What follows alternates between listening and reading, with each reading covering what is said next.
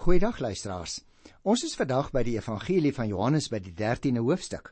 En dit is natuurlik nou 'n baie belangrike nuwe afdeling wat hier begin, want jy sal onthou die evangelie kan in 3 gedeeltes ingedeel word. Uh hoofstuk 1 vanaf vers 1 tot by die einde daarvan die hoofstuk 1 uh, vers 51, dit het gehandel oor die bekendstelling van die hooffiguur Jesus. Die tweede groot afdeling was die langste. Dit het gestrek van hoofstuk 2 vers 1 tot by 12 vers 50. In daardie klompie hoofstukke maak die Here Jesus sy heerlikheid bekend in die openbaar en hy doen dit juis deur wondertekens. En nou begin ons vandag met die laaste afdelingkie wat nie baie lank is nie, dit is van Hoofstuk 13 vers 1 tot aan die einde van Hoofstuk 21 en dit handel dan oor die lyding, die dood en die opstanding van die Here Jesus. Ek sou ter inleiding hier by die 13de hoofstuk miskien net enkele opmerkingies wou maak deur die volgende te sê: Ons moet 'n gedagte hou dat uh, ons ook hierdie afdeling in twee gedeeltes kan indeel, naamlik deur Jesus se afskeidsrede met sy disippels. 'n Mens kry dit in Hoofstuk 13 vers 1 tot 17 vers 26. En dan 'n tweede groot afdeling sou ek sê, is juis die hoogtepunt van die Here Jesus se taak van verheerliking, naamlik wanneer hy sterwe en opstaan. Dit kry mens in Hoofstuk 18 vers 1 tot dan aan die einde van die boek. In hierdie hoofstuk 13 tot 17 luisteraars lees ons van die Here Jesus se afskeidsgesprek. Sommige praat daarvan ook in die meervoud want dit is inderdaad so die afskeidsgesprekke met sy disippels kort voor sy dood. Nou wat hy aan sy disippels gesê het, moes dan as riglyne dien maar dit moes ook terselfdertyd 'n troos wees en 'n ondersteuning tydens en na sy sterwe. Want jy moet onthou, hierdie disippels se lewensomstandighede sou dramaties en ingrypend verander die oomblik dat die Here Jesus sterwe. Die afskeidsgesprekke is dus soort van wat sal ek dit noem, soos 'n takkraal van woorde wat die disippels die toekoms in moet help dra. Nou die eerste gedeelte van Hosea 13 handel oor die voetwassing. Ek dink ons ken dit almal baie goed. Nou voordat ek in detail uh daarop ingaan, wil ek miskien net dit ook sê luisteraars. Voete was was natuurlik slawewerk. Maar ons moet onthou 'n slaaf kon selfs nie gedwing word om dit te doen nie. Want Levitikus 25 vers 39 en Eksodus 21 vers 2 sou hom daarteen beskerm. Die Here Jesus doen dus die nederigste van werk om op 'n simboliese wyse sekere waarhede by sy disippels tuis te bring. Jy sien sy gewilligheid om te dien tot in die dood te dien. Roep ook vir jou en my op tot 'n lewe van diens aan hom. Terwille van ons naaste. Want ons is instrumenteel in die Here se hand. Nou kom ons begin dan dadelik by hoofstuk 13, die evangelie van Johannes by die eerste vers. Voor die viering van die Paasfees het Jesus reeds geweet dat die tyd vir hom gekom het om van hierdie wêreld af na die Vader toe oor te gaan. Hy het sy eie mense wat in die wêreld is, liefgehad. En hy het hulle tot die uiterste toe liefgehad. Nou dis baie belangrik dat ons dit hier lees want jy sal onthou die evangelie het ook juis daarmee begin om te sê dat die Here Jesus na sy eiendom toe gekom het. Die Here Jesus luisteraars weet op hierdie stadium hy moet nou weggaan. En Natuurlik. Hy het sy eie mense grensloos lief. Reeds voor die Paasfees was die Here Jesus deeglik bewus van die doel van sy koms, naamlik dat hy moet sterwe om van hierdie wêreld af na die Vader toe oor te gaan. Dit is nou net gelees. Hy het diegene wat in hom glo, wat vir hom volg en wat sy stem luister met antwoorde sy eie mense, sê vers 1, tot die uiterste toe liefgehad sodat hy sy lewe gegee het. En nou gaan ons by die tweede vers by 'n baie bekende man in die Bybel kom met die naam van Judas. Nou voordat ek die teks lees en so bietjie daarop uitbrei, luisteraars, wil ek net so bietjie vir julle vertel van hierdie man Judas, want hy het so 'n verskriklik ek wil amper vir jou sê vreemde rol gespeel in die Bybel.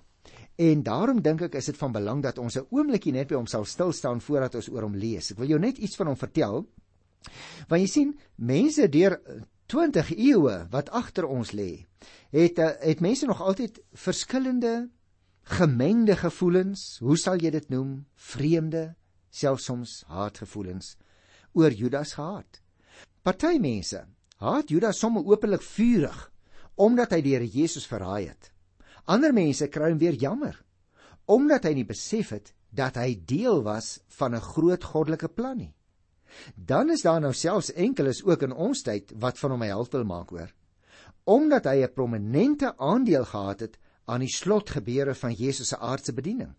Daar's ook mense wat vra, hoe is dit dan moontlik dat God kon toelaat dat een mens so 'n geweldige skuldlas sou dra? Met ander woorde wat ek vir jou wil sê, liewe luisteraar, dis vir my duidelik dat daar baie uiteenlopende menslike sienings oor Judas is. Maar ek dink luisteraars wat vir ons van groot belang is, die verhaal oor Judas laat ons weer 'n keer goed nadink oor ons eie toewyding aan God. Dit laat ons indringend kyk na die beheer van die Heilige Gees in ons lewens. Is ek ook 'n loyale disipel? Is ek as sy volgeling iemand wat luister na sy stem? Of is ek dalk een van baie mense wat voorgee om volgeling te wees. Hoe staan dit met jou liewe luisteraar? Want jy sien ons kan lank teologiese debatte oor hierdie ding voer. Juis in ons tyd word dit gedoen deur baie mense, selfs teoloë, né? Maar die vraag is, as ons klaar gepraat het, volg, volg ons om regtig na. Jy sien, die keuse is tussen egtheid of pretensie.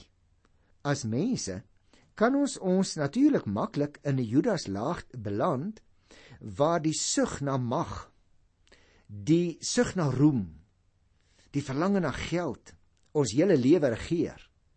En uit die Judas laagte kom 'n mens slegs deur egtheid en berou en 'n totale toewyding aan die Here Jesus Christus oor sonde. En daarom het Judas 'n baie spesifieke rol gespeel in die hele heilsgebeure. Maar ek dink broers en susters, ons moet daai diep teologiese vrae liewer vir die teoloë laat. Laat ons onsself elkeen persoonlik vra, jy en ek, hoe volg ek hom na? Hoe lyk voete was van ander mense in my eie lewe? Kom ons lees nou vers 2 en dan gaan ons 'n bietjie verder nou dat ons oor hierdie donker figuur Judas gepraat het. Jesus en sy disippels was aan tafel. Die duiwel het toe al klaar vir Judas, die seun van Simon Iskariot, op die gedagte gebring om Jesus te verraai. Ons lees dit dus pertinent hier dat hy 'n instrument geword het van die duiwel. Die Here Jesus, luisteraars, moet ons altyd onthou, was besig op hierdie stadium om die Paasmaaltyd, waar tydens die nagmaal ingestel is vir die eerste keer, saam met sy disippels te nuttig. En by gewone etes het hulle gewoonlik met gekruiste bene aangesit. Maar by hierdie ete het hulle op hulle linker elmboë aangelê sodat die regterhand beskikbaar was om mee te eet. Die laa tafel waarby hulle gesit het, was in daardie tyd gewoonlik in die vorm van 'n U gedek. En die Here Jesus het heel waarskynlik aan die kop van die tafel gesit. Maar die interessante teen die einde van die tweede vers wat ons nou kennis mee maak, die duiwel het toe reeds die bose gedagte om Jesus oor te lewer om gedood te word soos 'n saadjie in Judas se hart geplant. Vers 3 sê: Jesus het geweet dat die Vader alles in sy hand gegee het en dat hy van God gekom het en na God toe teruggaan. Jy sien, ons moet altyd onthou die Here Jesus was op geen stadium in die lydingsgeskiedenis 'n weerlose slagoffer nie. Hy het deeglik en intens daarvan bewus gewees, want hy het 'n bepaalde rol gehad wat hy kom vervul het.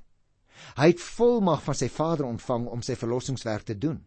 En hy weet dat hy op pad is terug na sy Vader toe. Hy het dit al 'n paar keer gesê ook, né? Gaan lees maar weer Hosea 7 vers 28 en in Hosea 16 vers 28 en 30 sal jy dit ook nog kry. Die Here Jesus se bewuste taakvervulling troon vir my uit bo al die pogings van Satan om dit hier in die kiem te probeer smoor. Die Here Jesus het dus sy volgelinge end uit liefgehad. dit waarvoor hy gekom het. Al het hy geweet dat een van hulle hom sou verraai, dat 'n ander hom sou verloon, dink maar aan ou Petrus, en dat hulle almal gedurende die nag waarin hy gevange geneem is, om in die steek sou laat en sou weghardloop. O die Vader en die Seun se liefde, dit is die motivering agter al Jesus se woorde en sy dade. Nie die getrouheid van sy disippels nie, luisteraars. Dink maar hoe ontrou is jy en ek ook dikwels, nie waar nie? Vers 4 sê: Toe het hy van die tafel af opgestaan, sy boekleed uitgetrek en 'n handdoek gevat en dit om hom vasgemaak. Met ander woorde, gedurende die ete staan die Here Jesus nou van die tafel af op en hy trek die los mantel wat bestaan uit 'n lang soort van 'n strook materiaal wat oor die onderkleed gehang het, dit trek hy uit. En nou bind hy sy onderkleed op met 'n lang handdoek wat deur slawe gebruik is. Vers 5 sê daarna het hy water in 'n waskottel gegooi en begin om sy disippels se voete te was en dit dan af te droog met die handdoek wat hy omgehad het. Hy gooi dus water in 'n waskottel lees ons en nou beweeg hy van disipel tot disipel al om die tafel om die stof van elkeen se voete af te was. Natuurlik. Luister, jy sal dit ook weet, by die Jode het voete was as slawewerk bekend gestaan. Maar selfs 'n slaaf het ek vroeg in die program al vir jou gesê, kon nooit gedwing word om dit te doen nie. Die Here Jesus gee egter nie om om dit te doen nie. Hy droog hulle voete af met die punt van die loshanddoek wat hy om hom gehang het. En nou sê vers 16. Ons moet nou mooi luister. Toe hy by Petrus Simon kom, vra die vir hom: "Here, gaan U my voete ook was?" Jy sien in die volgende 6 verse word die voetewassing as simboliek van die Here Jesus se dood uitgelê in die gesprek tussen Jesus en Petrus. Maar nou lees ons reeds hier Petrus, die segsman van die disipelkring, reageer baie heftig selfs nog voordat Jesus by sy voete uitkom. Hy sê my voete gaan nie deur u gewas word nie. Vers 7. Jesus sê vir hom: Wat ek doen, begryp jy nie nou nie, maar later sal jy dit verstaan. Die Here Jesus plaas met ander woorde die gebeurtenis dadelik in die verband van 'n wyeer denkraam. Later sê hy, dit wil sê na my dood Petrus en selfs na my opstanding, eers dan sal jy die volle betekenis van die optrede waarmee ek nou besig is verstaan. Maar die Here Jesus spel dit nie vir hom uit nie. Hy sê maar net vir hom wat ek doen begryp jy nie nou nie, maar later sal jy dit verstaan. Luisteraar, stel jou 'n bietjie voor dat jy Petrus is. En jy sit nou na die radio luister of jy sit en kyk hoe die Here Jesus sy vriende se voete was terwyl hy al hoe nader aan jouself begin kom. Petrus, kan ek my voorstel, was waarskynlik in daardie oomblik net so verward as wat jy en ek sou gewees het. Wanneer ons kyk hoe ons leermeester besig is om soos 'n slaaf op te tree erger nog dinge as slawewerk te doen as hy ons voete begin was en hou hom dop hy's op pad na ons toe die Here Jesus wou egter vir Petrus en vir jou en vir my laat verstaan wat die werklike betekenis van sy kruisdood is en dat Petrus sy voorbeeld moes volg. As hy sy disipel wou wees dan moes hy verstaan wat dit beteken om deel te hê aan die Here se nederige werk wat hy doen. Jy sien luisteraar om daaraan deel te hê beteken om ook deur geloof aan die Here Jesus Christus vas te hou want as ons slawewerk moet doen partykeer is dit nie vir ons lekker nie maar wat ook al gebeur Jesus is ons finale voorbeeld elke dag nie waar nie maar Petrus sê vir hom in vers 8 U sal in alle ewigheid nooit my voete was nie daarop sê Jesus vir hom as ek nie jou voete was nie Petrus het jy nie aan my deel nie.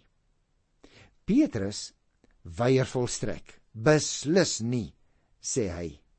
Die Here Jesus se antwoord: "Hoe dit beklemtoon juis die deel hê aan hom."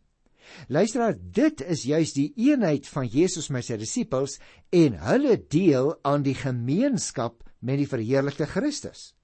Indien die voetewassing uitgelê word as bloot simbool van die Here Jesus se sterwe, dan sou dit beteken dat die disippels deur daarin te deel ook daar sal wees waar hy is. Luister na vers 9.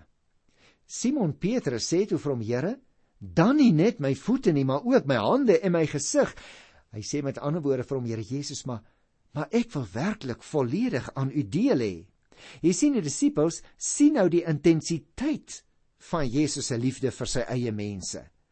Petrus gaan daarop na die ander uiterste toe om seker te maak van 'n goeie en 'n groot aandeel vra hy dus dat ook sy hande en sy gesig gewas moes word. Maar luister wat antwoord die Here in vers 10. Hy wat klaar gebad het, is heeltemal skoon. Hy hoef later niks meer as sy voete te was nie. En julle is nou skoon, maar nie almal nie. Jy sien dit gaan egter nie oor die fisieke was nie. Dit gaan nie net om 'n bloot simboliese deel hê aan die Here Jesus nie. Dit gaan daaroor dat die daad 'n simbool daarvan is dat 'n mens volledig aan die verlossende sterwe van die Here Jesus deel kan hê. Met ander woorde, die antwoord van die Here Jesus hier in die 10de vers moet ook simbolies verstaan word eerder as om Petrus se misverstand letterlik te probeer verklaar. Wanneer iemand eenmaal deur die geloof die sterwe van Jesus deelagtig geword het, met ander woorde klaar gebad het. Is hy eens en vir altyd gereinig van sonde. Maar sy geloof moet ook nog ten volle in Jesus se dood deel deur die voetewassing simbolies te aanvaar. Jy sien as die hele gedagte van die voetewassing buitekant myself bly staan met ander woorde ek aanvaar dit nie dan beteken dit eintlik niks. Vers 11 sê Jesus het geweet wie hom sou verraai en daarom het hy gesê julle is nie almal skoon nie. Met ander woorde, Judas deel nie in die volle geloof in Jesus se kruisdood nie. Daarom sê hy, julle is nie almal skoon nie. Luisteraars, dit is moontlik om in die disipelkring van die Here te sit. Dis moontlik om elke Sondag in die erediens te wees en om ook in die week na Christelike byeenkomste te gaan. En steeds het ek nie die soendood van Jesus Christus vir myself persoonlik aanvaar nie, dan is ek nog nie skoon gewas nie, sê die Here hier, want dit is presies die situasie gewees met Judas. Hy sit in die kring, sy voete is gewas en tog is hy nie skoon nie, want hy het nie die betekenis wat in die voetewassing gesimboliseer word vir hom persoonlik van harte toegeëie nie en dan beteken die simbool niks. Vers 12 sê: Toe Jesus hulle voete klaar gewas en sy boekleed aangetrek het en weer aangesit het, sê hy vir hulle: "Verstaan julle wat ek vir julle gedoen het?" Jy sien, in hierdie tweede interpretasie van die voetewassing wat ons nou hier gaan kry, ehm in vers 12 tot 17, word die Here Jesus se voorbeeld van diens beklemtoon. Almal se voete is gewas, En die disippels moet aan Jesus sê of hulle verstaan wat hy aan hulle gedoen het. Verstaan luisteraars, is nie maar net verstandelik begryp nie, maar ook om die Here Jesus se optrede vanuit sy verhouding met hulle te aanvaar en te gehoorsaam. Jy sien, die Here Jesus het nie die disippels se voete gewas omdat hy wou hê dat hulle maar net moes uh, gaan sit met skoon voete nie dat hulle maar net ook mekaar moet dien nie. Sy belangrikste oogmerk was dat sy voorbeeld van diens op aarde voortgesit moet word wanneer hy eers weg is. Hulle moes dus volkome diensbaar aan God wees, diensbaar aan mekaar en ook diensbaar aan al die mense na wie hulle die verlossingsboodskap se moes gaan uitdra. Jy sien deur die voetwassing wil Here Jesus eintlik die betekenis van soos aan sy disippels verduidelik. Luister, soos ek julle liefhet, moet julle mekaar ook lief hê, gaan hy sê in vers 34. Die Here Jesus se liefde het grensloos end uitgestrek. En dit vra dus ook van jou en van my 'n lief hê sonder voorbehoude wat op menslike voorkeure gegrond sou wees. Luister nou na vers 13. Julle noem my julle leermeester en Here. En julle is reg, want ek is dit. Jy sien as luisteraar, deur Jesus beklemtoon juis die gesagsafstand tussen hom en sy disippels. Hulle spreek hom aan as leermeester, rabbi, om juis daarmee hulle leerlingskap en navolging uit te druk en ook as Here om hulle onderdanigheid te toon. Die Here Jesus redeneer van die logies aanvaarde tot die onbekende. Luister vers 14. As ek wat julle Here en julle leermeester is dan julle voete gewas het, behoort julle ook so mekaar se voete te was. Hy sê vir hulle as hy as hulle erkende meerdere dan hulle voete gewas het, hoeveel te meer het hulle nie nou ook rede om mekaar se voete te was nie. Hy gaan voort, hy sê in vers 15: Ek het vir julle 'n voorbeeld gestel en soos ek vir julle gedoen het, moet julle ook doen. Jy sien luisteraar, dit was juis op grond van Jesus se gesagsposisie dat dit nie werklik vir hom nodig was om hulle voete te was nie. Maar hy doen dit as 'n voorbeeld of 'n model van diensbetoning wat nagevolg moet word as hy weg is. Met ander woorde, soos Jesus doen, moet die disippels ook diens doen deur ander mense lief te hê. Maar die eerste gedeelte van sy verduideliking, dat hulle volledig op die simboliek moet inkoop van sy kruisiging dat hy betaal en dan is jy volledig gewas. Deur dit wat Jesus gedoen het. Dit kan hulle natuurlik nie herhaal nie. En daarom wil ek die laaste versie vir vandag lees hier by vers 17, want ek wil nog iets onderstreep. Hier staan: "Julle weet dit nou. Gelukkig is julle as julle dit ook doen." Ek het gesê ek wil nog iets onderstreep juis om hierdie vers uh, op ons harte te bind. Die vraag is naamlik luisteraar, wat sou die lewensbeginsel wees wat die Here Jesus hier by ons aanbeveel? Die lewensbeginsel of as jy wil, die lewensreël waaroor dit hier gaan, is diensbaarheid. En die Here Jesus leer dit, hy demonstreer dit op verskillende maniere. Hier byvoorbeeld kom diensbaarheid tot uiting in die simboliek van die voete was. Maar ons gaan dit ook nog op 'n ander manier kry, want hy het byvoorbeeld in vers 35 gesê as julle mekaar liefhet, sal almal weet dat julle my disippels is. As 'n mens dus gaan kyk in Lukas 22 daar by die 25ste vers af, dan gaan dit daar oor die vraag wie is nou die belangrikste in die koninkryk. En dan het Here Jesus geantwoord en jy sal onthou as jy miskien ook ons program oor Lukas uh saam met my geluister het dat hy daar gesê het uh ek is in julle kring soos een wat dien. Die belangrike lewensbeginsel wat die Here Jesus dus wil demonstreer is die van dienswerk. En ons moet nooit vergeet die luisteraars as die liefde van die Here Jesus nie in ons harte is nie, sal ons nie bereid wees om ander mense te dien nie. Wanneer jy laas iemand besoek wat siek is, wanneer jy laas vir iemand wat swaar kry 'n parant gaan gee of 'n klompie kos gekoop en gaan aflewer. Jy sê jy het mense lief. As jy besig om hulle voete te was, deur vir hulle lief te hê met dienswerk vir hulle te voorsien in dit wat hulle nodig het. Of hoe het jy gedink? Is dit maar net 'n leë simbool? Voetewassing? Wat beteken dienswerk vir jou? Want dit is 'n lewensbeginsel volgens ons meester. Ek groet jou in sy wonderlike naam tot volgende keer. Tot dan. Totsiens.